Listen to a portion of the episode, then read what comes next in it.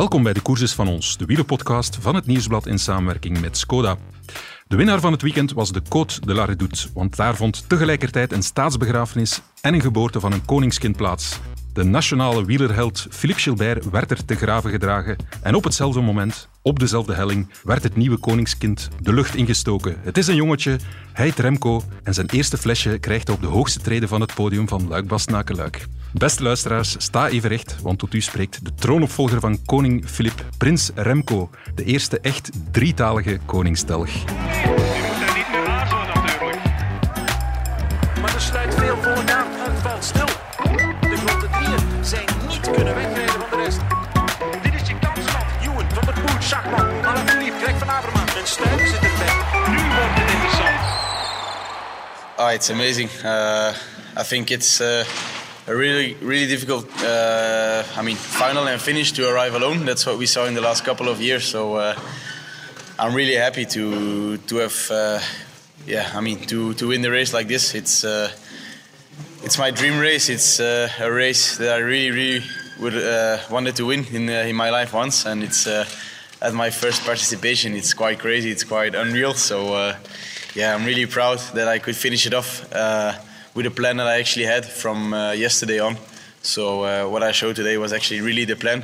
Maybe not to go alone from from La Redoute immediately, but just with a group, and then maybe try to uh, finish it off on Roche Faucon or in the sprint. Um, but yeah, I felt really good today. The team really helped me super good all day, uh, especially the part to go to uh, Bastogne and to Vielsalm when all the climbs started. It was uh, important to stay out of the wind and out of trouble, and uh, luckily I could stay out of trouble. Uh, some other guys were uh, really unfortunate with the with the big crash. It was quite a nasty crash, I heard. So. Uh, yeah, I'm hope uh, I hope everybody's okay. Uh, my teammates and also the other guys in the crash. Um, but then, yeah, I think it was a perfect day to, to win like this. Remco, uh, you showed today that it's still possible to make a difference on La Redoute. Uh, what do you think of that? Yeah, I think it's uh, I think it's one of my favorite climbs in uh, in the world. So uh, it's a special. It's I mean it's really special for me to to win to win the race there. Um, but I mean the race was really hard, really nervous, uh, really high pace on, on every climb from from the first one actually. So. Yeah, I think every. I mean, I I started to feel my legs a bit on La Redoute, so that's the moment when you know, okay, everybody has been has been suffering already a bit. Everybody feels the legs now, and that's when you should try something and, and then see the situation after. If you have a group in the wheel, you just uh, stop and, and try to work together. But if you're alone, you have to go. Um, and yeah, I was alone, and I'm happy I could finish alone as well. En als je dacht dat Remco al gelukkig klonk, hier komt zijn mama Agna met een krop in de schor geschreeuwde keel. même pour le- l'équipe le stress toutes les semaines avant. Incroyable, je suis contente pour toute l'équipe. Ils ont travaillé comme des, comme des fous aujourd'hui. Mauri aussi à la fin. Oh, incroyable. Pour vous, en tant que maman, comment vous avez vécu ces semaines, ces mois qui n'ont pas toujours été faciles Non, c'est la part de- du travail. On doit vivre avec. Dans la vie, c'est jamais facile. C'est pas toujours facile. Mais c'est pour toute l'équipe. Je suis contente. Je suis lui. vous, vous- vous saviez qu'il allait sortir un grand numéro comme ça et vous l'avez dit Ce matin, il me, il me montre le numéro 13 et c'est notre numéro favori. Donc là, je savais qu'il allait faire des choses, il allait essayer. Mais pour toute l'équipe, il voulait le faire. Pour son patron, pour le staff, pour tout le monde, il voulait le faire. Donc euh, non, je suis contente pour tout le monde. C'est pas rien que lui, c'est toute l'équipe. En gelukkig heb ik hier eh, bij mij twee wielredacteurs zonder krop in de keel. Chef wielrennen Wim Vos. Goedemorgen. Morgen inderdaad, daar gaan we straks even op terugkomen hoe dat komt. En Guy van de Langenberg. Goedemorgen. Ja. Het is dus een aflevering, de laatste van In de Perszaal, maar eh, we zitten in de studio eigenlijk, eh, op Linkerhoever. De redactie van het Nieuwsblad en Gazet van Antwerpen, alle mediahuistitels. Eh, en de reden is, ja, ik moest gisteren ook nog combinatie voetbal doen. Er is ook play-offs eh, meteen na Luik. En het grappige is dat ik eigenlijk, eh, want de persal was wel vrij ver van de, de streep, eh, dat ik tot, tot aan de streep werd gevoerd en dat ik eigenlijk rechtstreeks naar eh, onze columnist René van der Rijken wou rijden, van wie ik ghostwriter ben. Maar toen, ja, ontsnapte Remco. En dan dacht ik, heb ik nog een half uurtje? En ik had nog een half uurtje, ik ben dan toch gebleven. En ja, ik heb het mij niet beklaagd, moet ik zeggen. Ja. ja, met Remco weet je nooit, hè, Guy? Eh, nee, met Remco weet je nooit. eh, maar wat hij eh, zondagmiddag heeft laten zien, was denk ik toch wel het beste wat we ooit hebben gezien van Remco Evenepoel. Ja. Wim, akkoord. Hij noemt het zelfs zijn beste dag op de fiets, maar daar zijn we het ook over eens. Ja, alleszins de mooiste zegen. Hè. Laten we zeggen, Ja. dat eh, hij heeft nog wel mooie dingen laten zien. Maar op dat niveau, in die wedstrijd, en dan meteen een monument winnen, ja, daar kan niks tegenop, denk ik. En waarom? Waarom was het dan zo fenomenaal? Ja, eh, aanvallen op La Redoute en 30 kilometer stand houden tegenover een groep achtervolgers waar de samenwerking niet altijd optimaal was, maar waar toch nog altijd eh, kopmannen waren die eh, enkele knechten ter beschikking hadden. Dus waar toch het tempo wel onderhouden werd en dan toch nog kunnen, kunnen voorblijven. Niet gekraakt op de Roger Faucon. Ja, zelden gezien. Ja, zijn tijdritcapaciteiten, denk ik, die dat eh, echt de doorslag hebben gegeven. Ja. Dus eerst die meters kunnen nemen bergop. Daar zouden misschien nog wel meer renners toe in staat zijn, denk ik. Maar dan ja, voorop blijven hè, tegen toch een, een groep. Ik denk op dat moment nog, als het geen zeven, toch minstens zes renners van Bahrein. Die op hem, achter hem gereden Mhm, hebben. En eh, ze komen op een gegeven moment wel korter. Hè. Ik denk, eh, Tot op 16 TV, seconden, dat was het tv zie je ja. inderdaad de seconde even teruglopen van 35, 27 tot 16 ongeveer. En dan denk je van ja, dan wordt het toch niet. Maar dan ja, opnieuw dat elan terugvinden. En als een echte tijdrijder, ja, dat is denk ik wat, je, wat we weinig... En eigenlijk wat we de langste jaren alleen van hem bijna gezien hebben. Mhm. Want hij heeft dat nogal gedaan, hè? ook in, in, laten we dan zeggen, kleinere wedstrijden. Ik maak hier een eh, gebaar van tussen haakjes, of hoe zeg je dat, kleinere?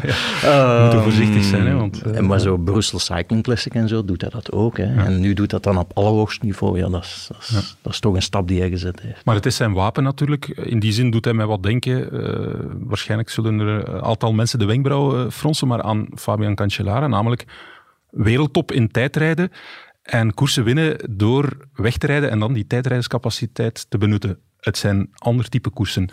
Eh, ik kijk nu naar Guy, want jij bent eh Cancellara-kenner. hè? Eh, ja, Op een ander terrein weliswaar. Ja, maar inderdaad, Parijs-Roubaix heeft hij dat een paar keer gedaan. Ja, de befaamde Ronde van Vlaanderen 2010, waar iedereen van zegt dat hij met het motortje heeft gereden. Enfin, En Guy, vertel ons de waarheid. Jij die alles weet over Fabian wel, Cancellara. eh, als ik Fabian mag geloven, is dat eh klinkklare onzin. En ik geloof Fabian altijd, dus ik, eh, ik hou het inderdaad bij klinkklare onzin. Maar bon, ehm, er zijn mensen die er anders over denken, maar... Enfin, ja, dat is een ander verhaal natuurlijk. We zijn aan het afwijken. Maar, nee, maar, maar- gaat die vergelijking enigszins op als je het Jawel, terrein omdat, natuurlijk... dat, dat Fabian, ja, zoals hij toen eh, de Ronde van Vlaanderen won, op de, de, de muur wegrijden van Tom Bonen en dan stelselmatig uitbouwen. eh, ja, de vergelijking gaat inderdaad wel op. Eh, ja, nee, nee, je hebt Ik gelijk. denk wel dat hier de groep achtervolgers, als ik met die wedstrijd in de Ronde van Vlaanderen daarachter zat, was het Ja, ook was- allemaal wat verbrokkeld. Ja. Maar wat kleinere groepjes die... Maar hier was het best. Als je kijkt naar welk peloton dat er uiteindelijk nog aankomt, waar dat dan Quinten Nijmans voor Wout van Aert wint. Ehm, ik ken nu niet hoe groot, ik weet niet precies hoe groot die groep was, maar het was best nog wel een, een, een, Ja, ja, een dat is- substantiële groep. groep. En die heeft er allemaal achter zich gehouden. Dat is... Dat is eigenlijk het, het- Nog meer vind ik dan die demarrage op La Redoute, is dat eigenlijk ja, het, het strafste nummer dat hij gedaan heeft. het feit dat hij, dat, dat hij stand kunnen houden heeft tegen degenen die achter hem zaten en achter hem koesten op een En hij heeft denk ik in die 30 kilometer, het iets minder is dan 30, maar dat doet er niet toe, denk ik, ehm, heeft hij nooit meer dan 35 seconden gehad. Ja. Dus het is ook niet zo dat ze hem op een gegeven moment echt veel ruimte hebben gegund. Aan de Allemaal streep niet had hij wel 46, hè? Ja, oké. Inderdaad. Maar heel die, Ja, ja, maar die, dit is die waar. 30 Absoluut, kilometer ja, ja. naartoe is altijd ja, een limiet geweest. Maar toen het 16 seconden werd, heb ik nog luid op gezegd, dat maakt het alleen maar heroïscher. Je ziet dat wij believers zijn, hè? Ja, wij- zijn absoluut believers. Eh, daar moet je wat eh, over vertellen, Wim, want ik vond het ook opmerkelijk dat het eh, hele verhaal dat werd afgestoken door ja, Remco zelf en ook een beetje zijn familie was Goh, eh, ja, Remco is toch wel wat afgeschreven geweest. En, eh, en kijk eens eh, al, aan alle non-believers, hier staat hij. Klopt dat verhaal of klopt dat in die mate? In mijn ogen klopt dat totaal niet. Ja. Ik denk dat er altijd een beeld is geweest bij de buitenwereld van een jongen met ongekende capaciteiten en kwaliteiten. En dat is ook altijd gehonoreerd geweest. Alleen heeft hij natuurlijk de laatste twee jaar, anderhalf jaar, een aantal wedstrijden gehad waar, hij, waar bepaalde verwachtingen waren die hij niet, ook bij hemzelf trouwens, die hij niet heeft kunnen waarmaken. Ja. En dat is dan op die momenten zelf wel opgemerkt geworden. Ja. Nu wordt er achteraf van gemaakt van, ja, hij is bijzonder eh, kritisch benaderd. Er wordt zelfs meer van gemaakt, van, van dat hij, eh, ja, hoe zal ik zeggen, dat hij, dat hij on, onheus is be- behandeld. Ja, en ja. Terwijl het in mijn ogen altijd terechte kritische bedenkingen op dat moment zijn geweest. Natuurlijk, we leven ook in tijden, het gaat misschien niet alleen over de pers van social media en blijkbaar worden ook brieven zelfs gestuurd naar hem thuis en dergelijke meer. Dus eh, misschien hebben ze zich daar nog te weinig van afgesloten en komt dat allemaal nog heel veel binnen in eh, de clan en de entourage Evenepoel? Want dat- sociale media kunnen wel heftig zijn. Ja, dat, maar er zullen inderdaad wel dingen eh, op sociale media gebeuren die, die absoluut niet door de beugel kunnen. Alleen, één, dat is sociale media. Je moet dat een beetje kunnen plaatsen. Ja, ja, en ja, ik mag aannemen na vier jaar prof dat je dat ook kan eh, een beetje plaatsen. En ten tweede, ja, je bent wielrenner in België, je hebt veel talent, je wordt er ook heel goed voor betaald. Ja, dan word je automatisch een beetje publiek bezit. En dan weet je dat mensen een mening over je zullen hebben. Pers, buitenwereld, iedereen. Als je daar niet tegen kan, ja, dan moet je gaan bowlen in België, vind ik. En Is bowlen niet zo populair hier in België? ik denk dat er minder over geschreven en gezegd wordt, alles is dan over wielrennen. En dat is een beetje ja, het, het gekende cliché, hè? if you can't stand the heat, stay out of the kitchen. En ja, dus is veel gezegd en geschreven over eh, Remco Evenepoel. In mijn ogen veel kritische dingen, maar die lang niet altijd onterecht zijn geweest. Maar dat hoort erbij, als je zijn status hebt. Ja. En eh, ter verdediging van, van al diegenen die ook, eh, hoe moet ik het zeggen, een, een soort van gewoon puur koerstechnisch de bedenking gemaakt hebben van ja, dingen die bijvoorbeeld op een bepaald moment niet liepen. Remco heeft nu zelf in zijn persconferentie ook gezegd, ik heb mij een hele tijd niet de Remco gevoeld die ik normaal ben. Ik was er ook over in de war. Dus eigenlijk bevestigt hij wat er geschreven geweest is. Van, ik, heb, dat was een ook- tijd mezelf niet. Dat is ook allemaal geen schande. als coureur, dat- hè, als coureur. Ja, dat is ook allemaal geen schande. Als je op je negentiende prof wordt, heb je nog veel te leren. Hij heeft zich technisch bijgeschaafd. Dat hebben we nu gezien. Hij Ja, kan afdalen, absoluut. hij kan, hij kan dingen die hij vroeger niet kon. Hij kan zich plaatsen in een peloton. Hij heeft, denk ik, ook qua mentaliteit heeft hij zichzelf wel een beetje opnieuw uitgevonden. Het, het, het lontje wordt, hoe zou ik zeggen, altijd maar iets minder kort. Ja. Ehm, hij reageert al eens wat minder impulsief dan hij vroeger was. Dat zijn dingen die je allemaal heeft moeten leren. En opnieuw, dat is helemaal geen schande als je 19, wordt en je, eh, je 19 bent en je wordt prof. Heel logisch dat je dat allemaal nog moet, moet, eh, moet bijleren. Maar dat is inderdaad opgemerkt in die drie, vier Ja. jaar door de buitenwereld. Niet meer of niet meer. Fair enough. Ja. ja. Ik vraag me zelfs af, eh, ik moet terugdenken aan de jonge Romelu Lukaku, rond wie alles ook heel groot werd. En toen heeft Anderlecht daar eh, ja, echt een begeleider op gezet, Peter Smeets, die hem met al dat soort zaken begeleidde. Alles wat er op hem afkwam enzovoort. Ja, misschien moeten we zelfs... naar die, pro- als de proporties zo groot worden, moet, moet dat voor hem... Ik, ik hoop eigenlijk een beetje worden. vooral dat deze zegen voor hem, ja, om er nu grote woorden op te gaan kleven, een beetje bevrijdend of verlossend werkt. En dat hij al die dingen één kan plaatsen of achter zich kan laten. Ja, en dat hij ja, een beetje volwassener dan Mhm. omgaat met kritiek, met bemerkingen, met bedenkingen. En ja, dat hij dat Vertrokken achter is. zich kan Ja. laten. Ja. Ja. Het is ook een heel emotionele familie, heb ik al gemerkt. Ja, Eh, ja, ja. Er wordt wel veel gehaald. En, en dat Amai, mag, hè. Ik bedoel, ja, ik heb ja. er absoluut geen probleem mee. Maar, maar het is zo precies altijd gewoon een, een, een, een mij tegen de rest van de wereld verhaal. En dat vind ik eigenlijk jammer, want dat is zeker en vast eh, enfin, nooit onze bedoeling geweest. Ehm, en kijk, als je, als je Remco Evenepoel bent, dan heb je eh, believers en je hebt haters. En, Ja. en dat zal altijd zo blijven. Als je echt aan top staat, dan eh, heb je mensen pro, mensen contra. Ik heb gisteren berichten gekregen tijdens de koers, nog 10 kilometer, het was duidelijk, Remco gaat winnen. Ik heb mijn televisietoestel afgezet, Mo, stuurde iemand. Meen je dat? Ja, absoluut, ja, die heb je. Die heb je. En, en dat is jammer, want, want wat, wat hij gisteren toonde was, denk ik, voor elke wielerliefhebber toch, toch iets, iets fenomenaals. ja. Ehm, maar je hebt dan mensen die zeggen van ja, sorry, ik, kan, ik, ik, ik kan niet blijven kijken. En dat is jammer, maar dat is ook ja, eigen aan die, aan die status. Hè. Je, had, je had vroeger eh, hè, Van Looy Merks. Ja. Merks de Vlaming misschien iets minder. Uh, ja, Museo Chmil, nog zulke van, van die koppels. Bone Cancellara was, was toch ook altijd wel een beetje spanning op de relatie. Ehm, en nu ja, Evenepoel. Die, die, Evenepoel van Aert, mag je dat Ja, dan zeggen? is dat een gevoelig thema, hè? Ja. Ja, dat is een gevoelig thema. ik, ja, nee, ik denk, Nee. denk niet dat daar echt een, een spanningsboog is tussen Nee, die nee. beide renners. Maar, maar het, het, het, het hoort er eigenlijk een beetje bij. Ja. Nou, je bent als sporter, sport is emotie. En zeker eh, mensen met zijn status, ja, die roepen die emotie nog extra hard op. Ja. Leef ermee. Ja, ja, ja. Verzet je daar niet tegen. En, en ga je alsjeblieft niet wentelen in een soort van Calimero-rol van Ja. al het onrecht dat mij is aangedaan, wordt aangedaan. Ik moet, op. ik moet wel zeggen, nu dit voorjaar meebeleefd te hebben en telkens ook interviews bij de start te doen, hij is wel altijd iemand die heel beschikbaar is naar de pers toe. En, eh, enfin, bij de startinterviews, eh, want ik ken het alleen maar daarvan. En het was zelfs op bepaalde momenten dat hij ja, media na media na media te woord stond en dat eh, ja, de pers eh, man van eh Quickstep eigenlijk wilde zeggen van het is al goed geweest Remco, maar dat hij dat toch bleef doen. Eh, ook nu weer waar, was heel moeilijk werken in Luik voor, de, voor het startpodium.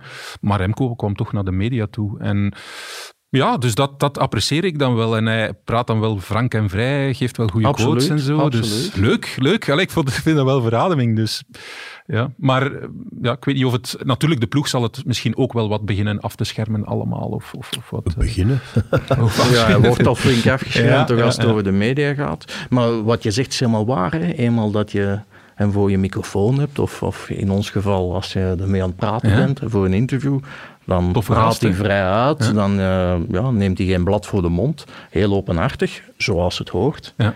Maar het, ja, het zijn op andere momenten dat dan ja, het Calimero-trekje soms naar boven komt. Ja. En ik hoop echt dat dat met deze zege Ja, een beetje achter... Dat moet hij inderdaad wat achter. Hij moet daar boven staan als je Voilà, zo'n coureur voilà. bent. Want eh, ja, Wim, jouw, jouw commentaarstuk eh, dat vandaag in de krant, of jouw analyse moeten we zeggen, die vandaag in de krant stond, was wel een beetje. Nu is hij toegetreden tot de echt grote coureurs. Hè. Dat was de conclusie. Hè. Ja, absoluut. Hè. Het is gewoon een sportieve prestatie. Ik denk als je de erenlijst van Luik, Bastenaken, Luik erbij neemt, daar staat geen enkele minder renner op, denk ik. Wat je in andere één- momenten nog wel eens een één, rare mag, mag naam hebt. mag ik de naam Maxim Iglinski? Oké, ja. Dat is dan de uitzondering die de, regel de bevestigt. regel bevestigt. Maar ja, en zeker als je, hij wint één en hij wint op die manier. Ja, Ja. Ja. Voor elke andere renner zou ook de, grootste of de mooiste eh, adjectieven bovenhalen. Dus dat is voor hem ook zo. Hoeveel, hoeveel monumenten heeft Wout van Aert gewonnen? Ik weet het antwoord. Remo. Eén. Ja. En Remco ook één. Om maar te zeggen, het is niet evident. Zijn, er zijn renners die bij wijze van spreken een hele carrière jagen op één monument. Toch, Guy? Jawel, en die het nooit zullen bereiken. eh. Ja. En goede renners. En goede renners. ehm, ja, een monument winnen is sowieso al iets, iets, iets unieks in, in een carrière. Een monument winnen op je 22e is, is, ja, is, is iets waar we eigenlijk nog niet genoeg bij stilstaan, maar hij is nog altijd maar 22 jaar jong.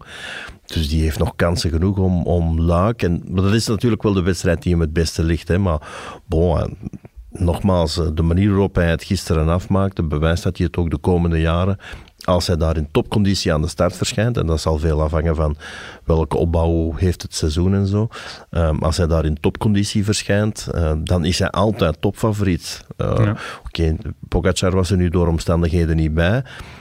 Zou Pogacar in staat zijn geweest Remco te volgen? Misschien wel, misschien niet. Ehm, maar dat is al iets om volgend jaar naar uit te kijken. Ik, ik kijk nu al uit naar de luik bastenaken luik van volgend jaar eigenlijk. Ja, en de afwezigen hebben ongelijk. hè. Ja, ook al is deze keer in tragische omstandigheden. In elke grote wedstrijd, elk monument zijn er renners die, die, er er niet door bij zijn. omstandigheden niet Dus, bij zijn. Want eh, om even terug te gaan naar die, die crash op eh 62 kilometer van de Dikke finish, 60, dacht zoiets. ik, ja. ja. Ehm, ja, Remco kent het parcours als een broekzak, gaat er heel vaak gaan trainen, al van jongs af aan. En ehm, hij zei van, ja, ik heb op de verkenning nog opgemerkt dat die afdaling, eh, ja, daar moet je echt van voor zitten, want het is een zeer gevaarlijke afdaling. En daarom zat ik daar van, door, van voor. En hij was inderdaad een van de renners die niet, eh, niet erbij lag. En er lagen wel grote namen bij, om Alaphilippe niet te noemen, of Bardet. Eh, ja. Ja, Dus toeval is het ook allemaal geluk, niet. De- je, moet, je Ja. kan soms door... Het, het peloton wordt wel eens vergeleken Ja. met een wasmachine en soms zit je achteraan en dan draai je weer helemaal vooraan. Ehm, het- het- Maar het het zal toch geen toeval zijn dat de, de zeven renners van Bahrein allemaal voor die valpartij Nee, zitten. inderdaad. Geluk dwing je ook af. Punt aan de lijn. Dus, eh, dus nee, nee. De, de, de, de wedstrijdomstandigheden moeten meezitten. En, en, en, en dat, dwing je, ja, dat dwing je grotendeels af. Ehm, nogmaals, ik, ik, ik wil ook zijn aanval, die was eigenlijk. En ik vergeleek het een beetje, want in de ronde van het Baskeland waar ik was, zag ik hem op vrijdag eigenlijk iets identieks doen. Een redelijk zware helling. En dan demareren net na het zwaarste gedeelte. Ja. En zijn uitleg was, ja, ik weet dat dan iedereen op zijn limiet zit. En als je dan 30 seconden blok kunt gaan, dan, eh, dan gooi je eigenlijk bijna iedereen overboord. Het was niet zijn bedoeling om gisteren iedereen overboord te gooien, maar ja, bon, het is hem dan wel gelukt. Eh, en ja, dan, dan had hij de keuze, wacht ik of ga ik door? En hij heeft dan de keuze genomen om, om door te rijden. En eh, van ja, het resultaat kennen we allemaal. Hè. Het doet een beetje denken aan Pogacar in de strade. Die legde nadien ook uit. Ja, het was niet de bedoeling om iedereen overboord te gooien, maar ja, bon. Ja, maar Dan, dat bewijst ook met welk kaliber renners je bezig bent. Hè. Pogacar, Evenepoel. eh, er zijn er niet veel die dat nog kunnen. Nee. Een Valverde zou dat nooit gekund hebben. Ik denk de beste van aard dat hij dat wel kan in bepaalde koersen. Eh, net zoals we, hè, eh, Bono en Cancellara, die konden dat ook in de Ronde van Vlaanderen of in, in Parijs-Roubaix. Eh, maar het is er weinig gegeven om, om de mooist mogelijke manier om te winnen, dat is Ja, solo. solo, hè, ja. Om, om dat te realiseren, dan, eh, dan moet je echt wel goed zijn. Ja, want we moeten dat even uitleggen. Door zijn eh tijdreiscapaciteit en heeft blijkbaar ook wat aan explosiviteit gewonnen. We hebben het lijstje gemaakt van alle solo-overwinningen, maar laat ons wel wezen, dat kunnen we nu al met, met een aan zekerheid grenzende waarschijnlijkheid voorspellen. Hij zal vooral solo winnen. Zijn overwinningen zullen bij uitbreiding eh, of automatisch solo-overwinningen zijn op een of andere manier. Maar ik denk, als je dat in de benen hebt, als je dat kan, aan die, het gaat dan over pure wattages, vermoed ik, die volhouden over 25, 30 kilometer, ja, dan heb je bij wijze van spreken geen sprint nodig. Hè. Nee, dan nee, kan je het zo afwerken. Ja, Hè. Dus dat wordt zijn grote kwaliteit. En zeker in dit soort van wedstrijden. Hè. Ik hoorde ook gisteren iemand zeggen van ja, eigenlijk is dit een beetje voor hem ook de makkelijkste wedstrijd om te winnen. Gek genoeg, in die zin van elk ander monument gaat het nog veel meer over positie kiezen, over wringen, duwen. Lombardije zal hij ook wel kunnen winnen. hè. Ja, wellicht. Ja. Dat zal dan de volgende zijn. Ehm, maar het is wel een verschil met zet hem in de Ronde van Vlaanderen. En dat is nog veel meer wringen en duwen en zo. En dat heb je veel minder in, in Laak. En de kasseien, daar was hij al niet over te spreken na de Brabantse pijl. Nee, nee, Ja. nee, dat... dat Daar eh, moet nog wat opgeoefend worden. Goh, ik, ik, maar het, het ging mij toen volgens mij niet zozeer over de kasseien, maar wel over dat gootje. Ja. Waar de rest wel in durfde rijden en hij niet, omdat hij altijd maar bang was dat zijn, zijn pedaal tegen de boordsteen zou gaan. Dus dat is misschien nog ja, een werkpuntje, maar ik, ik wil dat niet eens een werkpuntje noemen. Ik bedoel, als je zo go- goed bent en je kan zoveel dingen wel, ja, dan is het eigenlijk niet op het moment om, om te praten over de dingen die hij niet kan. Ja. In het leven moet je uit de goot blijven, maar als renner moet je soms in de goot. Moet je soms in het gootje belanden om sneller vooruit te gaan. Ja. Zeg, eh, het was natuurlijk de, de tevredenheid. Tevredenheid, wat zeg ik nu? Dat is eh, een eufemisme van hier tot in Luik. De euforie bij eh Quickstep Alpha Vinyl was, was ongelooflijk. Ik stond ook bij, bij de finish. Ik moet zeggen, de euforie bij de familie en vooral de moeder van Evenepoel was het grootst. Maar toch ook bij Tim de Klerk Lefevre, die, ik vond het heel mooi, de foto bij ons in de krant en stond ook in het bijschrift, eh, dat ja, had zo'n een beetje een lach die ook wel half een grijns was.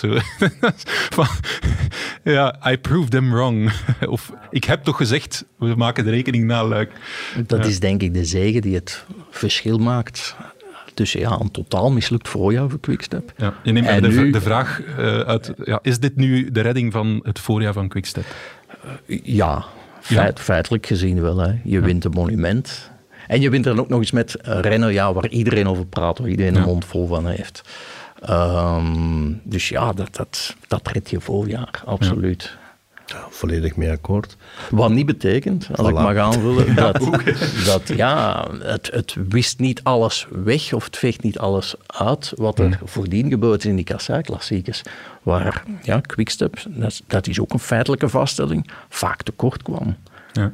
Waar je achteraf bekeken moet zeggen, Lampaard in Roubaix, zeer verdienstelijk. Asgreen een aantal verdienstelijke wedstrijden.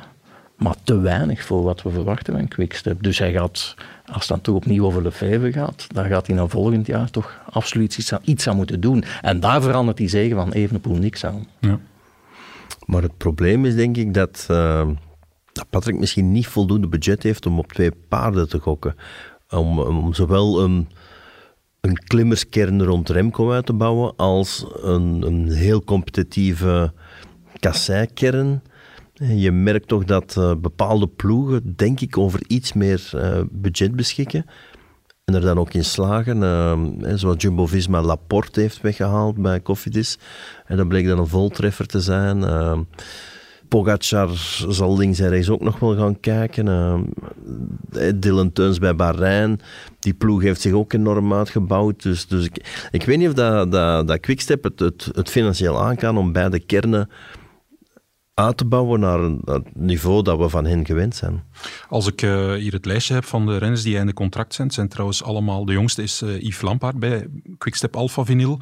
En van hem zou ik nu nog wel denken dat hij bij de ploeg zal blijven. Maar er zijn toch een aantal renners die einde contract zijn en dan komt er budget vrij. Ik noem Cavendish, eh, 36, Stibar eh, 36, Lampaard 31, Devenijns 38, maar wel ja, de rechterhand van Alaphilippe. Stijn Steels 32. Ja, het zijn natuurlijk kinderen aan huis. Het zijn echte Wolfpack boys, maar ja, gaat daar toch eh, een beetje met de borstel doorgegaan worden? Dat denk ik wel. Ja. Ik, Stibar, Ja. vraag ik me af wat hij nog een toekomst heeft. Bij, Het valt mij op dat Lefevre telkens over gravel races begint als het over Stibar gaat. Ja, hij is natuurlijk ehm, met zijn afkomst, en er is dan die link met Bakala. Ja, ja, ja. Bakala die blijkbaar toch een boontje had, heeft voor Stiba. En hem dan ja, ook de voorbije jaar altijd in die ploeg heeft willen houden. Maar op een gegeven moment komt er wel een einde aan en je moet eerlijk zijn. Ik ken, ik, ik ken het loon van Stiba niet, maar het zal niet in verhouding zijn met hetgeen wat hij maal geleverd heeft dit voorjaar. Ja.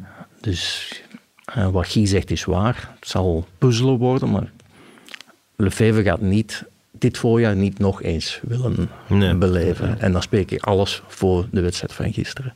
Uiteindelijk hebben ze gisteren met een aller, allerlaatste kans hebben ze het gedaan. En dan spreek ik niet alleen over het feit dat Luik de allerlaatste klassieker is, maar dan op 60 kilometer van de finish valt ook Alaphilippe nog eens weg. Dan hebben ze nog één kaart over en die doet het dan. Maar Ja. mocht ook die, ja, zit Evenepoel bij die valpartij, ja, dan spreek je van een dramatisch voorjaar. voor- ja. Dus zo, zo klein of zo groot is het verschil. Ja, want uh, Philippe van der Wallen, uh, die, uh, de doelman, de ex-doelman van onder andere Club Brugge, nationale ploeg, uh, die, die zat in de volgwagen samen met Patrick Lefevre, omdat uh, zijn vriendin, dacht ik, uh, manager is van het hotel waar Quickstep Alpha Vinyl verbleef. Nu zijn we heel ver aan het uitweiden. Een ingewikkeld verhaal. Inderdaad. Maar mijn conclusie is, Philippe van der Wallen, die, ja, die had de hele koers gevolgd samen met Lefevre. En ja, aan de finish stond ik zo wat te dralen, eigenlijk op weg naar mijn auto. Ik kwam er nog tegen, ik zeg, ah, uh, ja, hoe is het geweest? Ja, je hebt wel de goede koers uitgekozen. Ja, zei, fantastisch. Uh, ja, zei hij, mm, het was toch heel lang stil in de auto. Toen Alaphilippe gevallen was, blijkbaar, uh, was het echt begrafenisstemming en was het... Het is pas echt op het einde omgeslagen, maar uh, ja, dat was blijkbaar heel hard binnengekomen. Dus als je dan de foto maakt op het moment dat Alaphilippe erbij ligt, dan denk je weer van, het is niet waar. Dit blijft maar... Allee, ik denk dat Lefebvre die bemerking op dat moment ook zal gemaakt hebben van, lap, weer al, weer al wij. Op dat moment is denk ik zeven van Bagraan tegen twee van Quickstep. Ik denk Evenepoel en Van Zevenhand, nog een derde. Uh, Louis Vervaken, want Ah, die, heeft, okay. uh, Drie dan. die ja. heeft gemend op La Redoute, dus die was echt wel heel, heel goed. Ja. Maar dus op een, het, is, het is zelfs niet zo dat het in de laatste koers is rechtgezet, maar in het einde van de laatste Ja, koers. De aller, allerlaatste kans hebben ze gegrepen. Ja, als een ware journalist tegen de deadline. Zoals de Duitsers voetballen. Hè. Ja, Je gezin is net als een wielerploeg. We moedigen elkaar aan. En we weten dat we met de tips van onze ploegleider we alle kansen hebben om echte kampioenen te worden. Skoda, supporter van de grootste fietsfamilie. Ja, nog een opmerkelijk feit in de koers. Alaphilippe valt en we moesten even identificeren of het wel Alaphilippe was. Maar ja, die lag tegen een boom, boomstronk. Dat zag er eh, niet al te ja, geruststellend uit, moet ik zeggen. En dan, opmerkelijk beeld, eh Romain Bardet, die toch wel in goede doen is, mogen we zeggen, eh, die eigenlijk de weg had kunnen vervolgen, maar dat niet doet, zich onmiddellijk over Alaphilippe gaat bekommeren. Eh, ook gebaard naar de weg van ja, assistentie en dergelijke meer. En ja, onze koersprofessor heeft het ook opgemerkt als een van de ja, momenten van deze koers ook van ja, Romain Bardet die op dat moment eventjes helemaal de koers vergeet en echt mens wordt en denkt hier is een, een, een mens en een landgenoot van mij in nood en mijn fiets zal mij worst wezen, eh, deze mens moet geholpen worden. En daardoor een kans op misschien een ereplaats. Zoals het eigenlijk hoort. hè, Zoals het Michael, voor hoort, alle ja. duidelijkheid. Maar het is inderdaad geen evidentie. Maar in de topsport moment. is het Nee. geen evidentie. Eigenlijk zou het een evidentie moeten zijn, maar ja. Maar het was wel een, een ergens, ja, kan ik zeggen, een mooi moment, maar wel een, een menselijk moment in die harde topsportwereld. Ja, absoluut. Want Bardet wint dan, denk ik, vrijdag ook nog de Tour of Tour of the Alps. Alps. Ja, die, ja, ja. Die, die is in bloedvorm. Ja, tuurlijk. ja. Die zit daar op dat moment zelfs vrij ver vooraan in de wedstrijd ook. Want hij is, eh, als hij valt, is hij ook een van de eerste Ja. die valt. Dus hij kan onmiddellijk op zijn fiets springen. Ja, ja, en dan, niet over ja, remmers dan, dan, Ja. dan stelt hij misschien een ereplaats veilig. Ehm, en dat doet hij niet. Hè. Je ziet hem zelfs niet naar zijn fiets kijken, denk ik. Maar zich Ja, onmiddellijk over onmiddellijk. Alaphilippe bekommeren.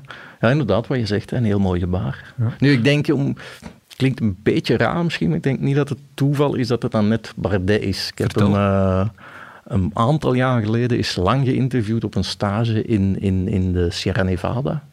En eh, dan zag je wel dat het iemand is die, hoe zal ik zeggen, een beetje verder kijkt dan louter de koers. Ah. Eh, dat ging dan wel over al heel andere dingen, ecologie en, en hoe hij bezig was met milieu en hoe het peloton veel milieuvriendelijker moest worden. Dus iets wat helemaal eigenlijk niks te maken heeft met wat er gisteren gebeurd is. Maar je zag wel, het is iemand met een iets bredere visie dan... eh, louter de koerskoers. En ja, dat kwam gisteren dan op een bepaalde manier dan toch ook weer bovendrijven.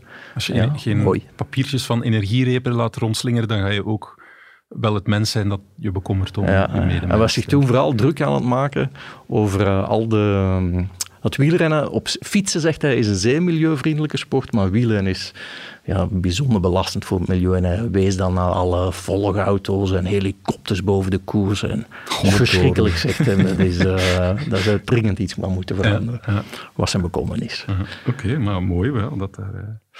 Goed, en dan, ja, als we nu toch bij de slachtoffers eh, bezig eh, zijn. Guy, jij merkte op dat er toch wel een bijzonder slachtoffer was. En ik had het ook al opgemerkt. Je hebt het eh, medisch bulletin eh, gezien en je stelde mij de vraag. En ik had het ook al op, op Twitter opgemerkt. Ene Larry Warbase. Ja, in het eh, perscommuniqué van AGDR werd hij eh, vernoemd met een, une lésion eh, testiculaire. Ja. En dan, dan, Ja, testiculair. ja, het is, dan, dan begint het bij mij al pijn te doen als ik het lees. Dus, ik denk eh, veel luisteraars met ons. ja. En dan blijkbaar, want jij had zijn Instagram gecheckt. En, Maar het is de Twitter, ja. En ik had het ook onafhankelijk van jou gelezen en mijn oog viel er onmiddellijk op en het deed ook pijn toen ik het las. Eh, I got punched in the... Ik citeer gewoon, hè. Dus, eh, I got punched in the balls a few times growing up, but let me tell you, nothing compares to taking a bike to them at 70 kilometers an hour. Dat, eh, Voilà, dat, eh, dat, dat vat het eh, perfect samen, denk ik. En hoe lang ben je daarmee uit, mee uit? Stond dat in het communiqué? Dat stond er niet in, maar hij, hij was voorzien voor de Ronde van Romandie, die morgen start, dinsdag dus. En eh, daar moet hij toch niet naartoe. Nee. Dus eh, Even rust voor het, het, het, kleine, herstel, kleine herstelperiode ingelast. Ja, Ja, Oké, na deze pijnlijke passage laten we het toch weer over heugelijke momenten hebben. Ja, drie Belgen op het podium, dat was dan helemaal... We hebben nog in, met, met Hugo, eh, die, die de hele geschiedenis overspannen heeft, bijna van Luik Bastenaken. Ik denk dat hij bij de eerste editie in 1800 er ook bij was. Nee, die, die vertelde over de, ja, de magere jaren, hè, de magere Belgische jaren, dat Italianen daar het plak zwaaiden en dat, ja, dat, dat Belgen daar gewoon niet aan te pas kwamen. En nu staan we gewoon met drie op het podium. Dus eh, uiteraard op één was het ene Remco Evenepoel, geloof ik. En dan eh, twee Quinten Hermans en drie Wout van Aert. Quinten Hermans, ja. ja. Weer een Intermarché Wanty Gobert. Ja, ja, ja. En, en, en voor Quinten eigenlijk een, een onwaarschijnlijk slot van een heel moeilijk voorjaar. Dat begon met een, eh, een positieve coronatest in de aanloop naar het WK veldrijden. Ja. eh, waar hij niet naartoe kon. En ze hebben dan echt nog moeite gedaan om hem in Amerika te krijgen. Want het was zo'n vals positief verhaal, eh, enzovoort enzovoort. Ehm dan valt hij uit in de ronde van het Baskeland, vrij recent, ziek. En dan denk je, ja, heel het voorjaar om zeep. Maar als je dan, eh, zonder dat je het weet, eh, naar de tweede plaats spurt, want hij wist eigenlijk niet dat ze voor de tweede plaats aan het spurten waren. Als je dan in die spurt ook nog eens Wout van Aert klopt, eh, die toch min of meer wordt beschouwd als de snelste man na een zware wedstrijd, en van wie hij in de cross eh, ja, slag om slinger eh, lappen om de oren kreeg, ja, dan, dan is dat voor Quinten een, een, een fantastisch einde van een, eh, een zeer moeilijk voorjaar. En het bewijst ja, hoe goed dat die jongen is. Hè? En hij is ook einde contract, want we hebben het dan wel eens over een renners einde contract eh, gehad. Hij werd dan ook al genoemd bij Lefevre in het verhaal naar, eh, met, met Torman Cycling, maar daar heeft hij nu afscheid van genomen. Ehm, ja, en eh, enfin, ik, ik heb Quinten ook wel eens een paar keren gesproken en, en zijn grootste bekommernis is, hij, hij wil wedstrijden als deze kunnen rijden als kopman. En hij is maar bang als hij naar Quickstep gaat. En terecht is hij er bang voor. Als hij naar Quickstep zou gaan, dat hij dan ja, in een, in een knechtenlivrei wordt gestoken.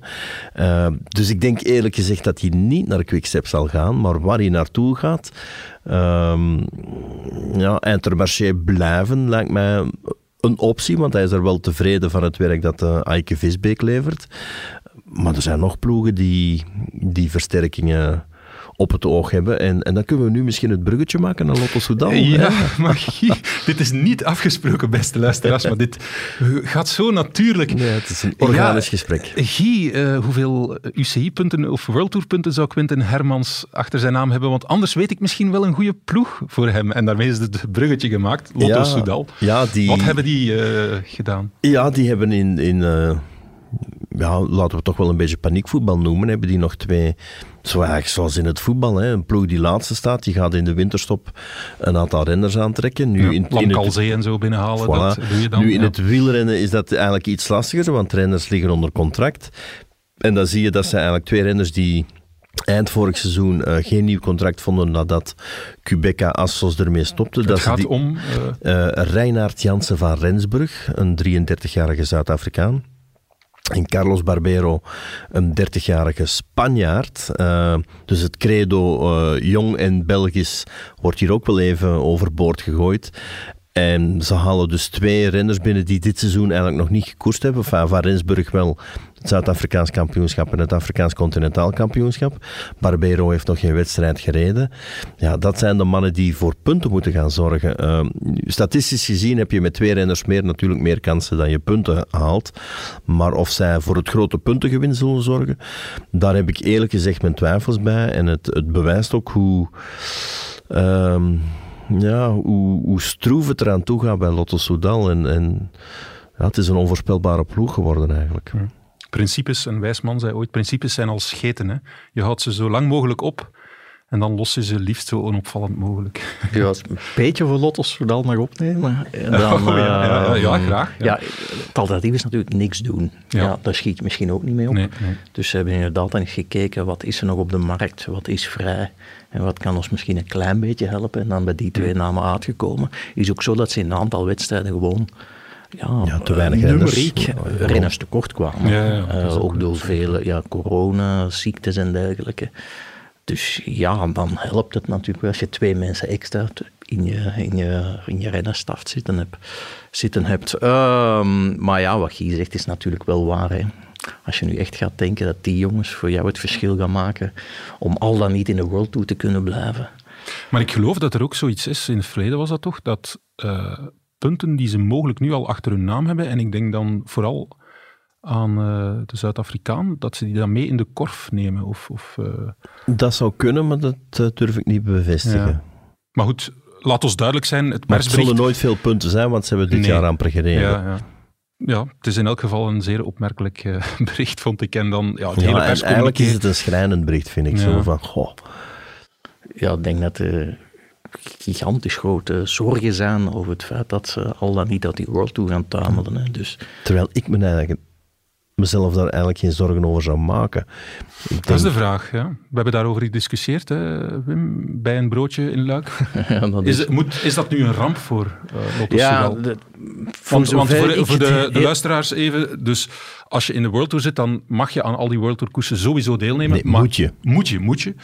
Ehm, en natuurlijk is er ook het prestige. Zit je daar net onder, dan, ja, als je bij de beste ploegen eh, van het Pro Tour niveau zit, dan in principe krijg je wel wildcards, maar het is toch niet allemaal zeker, hè? Giro, dergelijke meer. eh. Nee. het feit is vooral het gaat over de UCI dat we spreken. En de UCI heeft nog wel eens de neiging om in oktober, november plots met nieuwe reglementen voor de dag te komen. En als je dan niet die zekerheid hebt van een World Tour status, ja. dan zit je wel een soort van onzekere grijze zone waar men ja, met een paar ingrepen in het reglement kan je plots in grote problemen komen. Dus nu is het zo dat de twee beste niet-World Tour ploegen eigenlijk ook ook automatisch verzekerd zijn van deelname aan alle topwedstrijden. Alpes in Phoenix is op dit moment in die situatie. Nu, die regel, of dat die gaat blijven, als ik zo'n beetje links-rechts rondhoor, is dat allemaal niet zeker, niet duidelijk.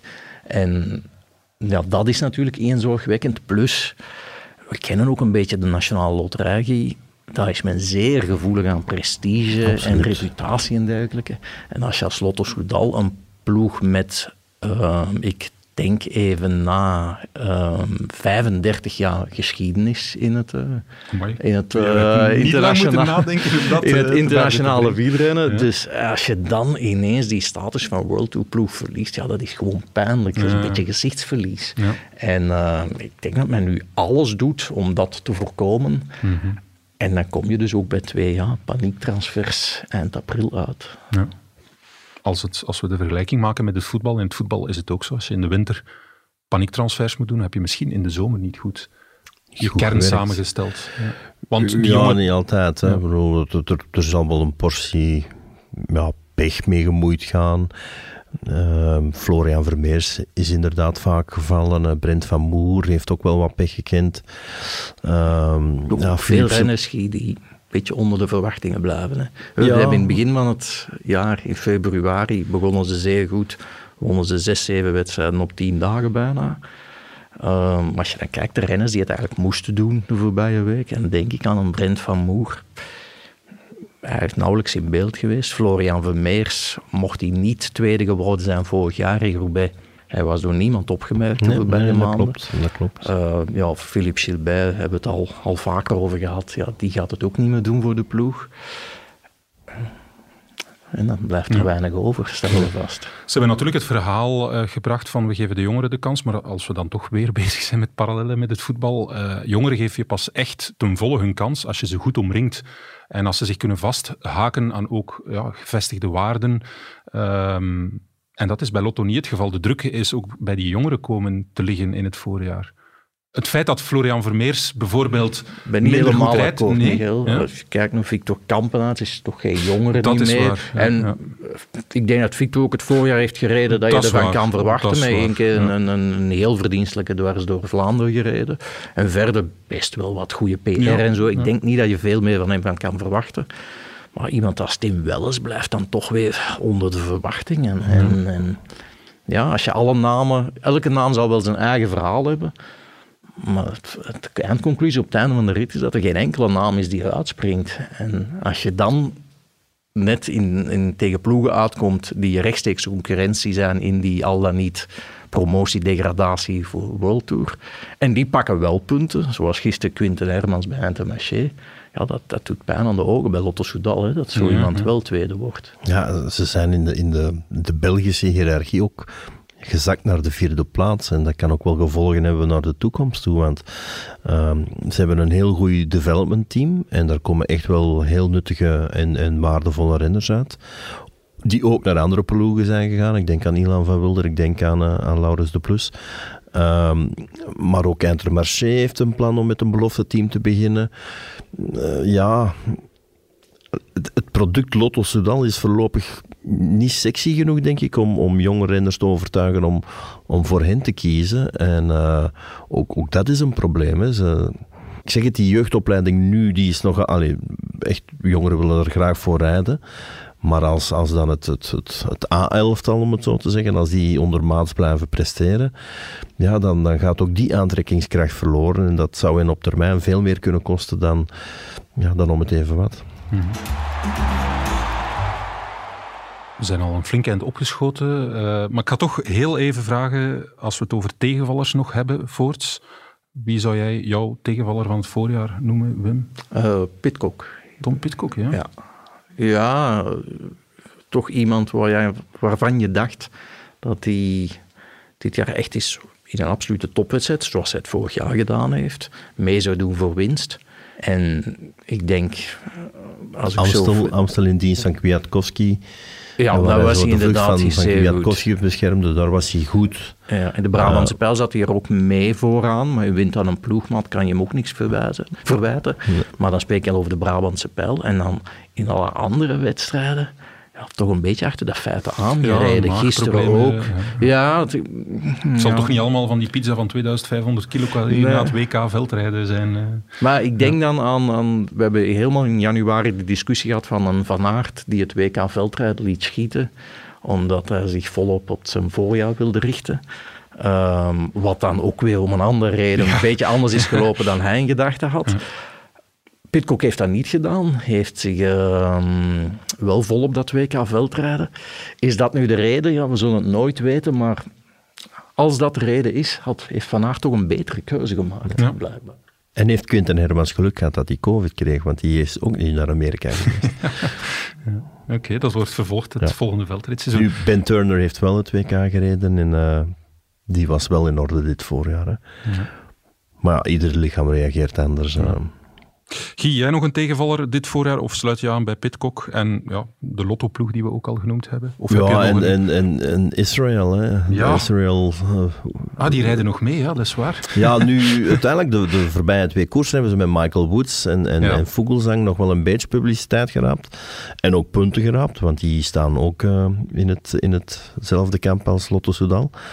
Maar dat zijn ook al twee 35-plussers. Ja, als die, als die de, de Titanic moeten behoeden voor het zinken, ja, dan, eh, dan is het eigenlijk ook een heel triest verhaal. Eigenlijk nog het allertriestste verhaal, want ik, ik, ik weet niet hoeveel geld die, die brave Canadese miljardair er tegenaan gooit, maar het, het, de return on investment, om het, eh, om het mooi economisch en heel geleerd klinkend uit te drukken, die is zeer laag en, en bedroevend laag, beschamend laag eigenlijk. Ja, ook een zeer goede tegenvaller van het voorjaar. Jammer genoeg voor hen. Het seizoen, het seizoen eh, duurt nog lang en Chris Froome gaat er misschien veranderingen in brengen. Ah, Sorry dat ik in de lach schiet. Sorry, ik, ik vroem echt over het hoofd gezien, dat is Ja. waar.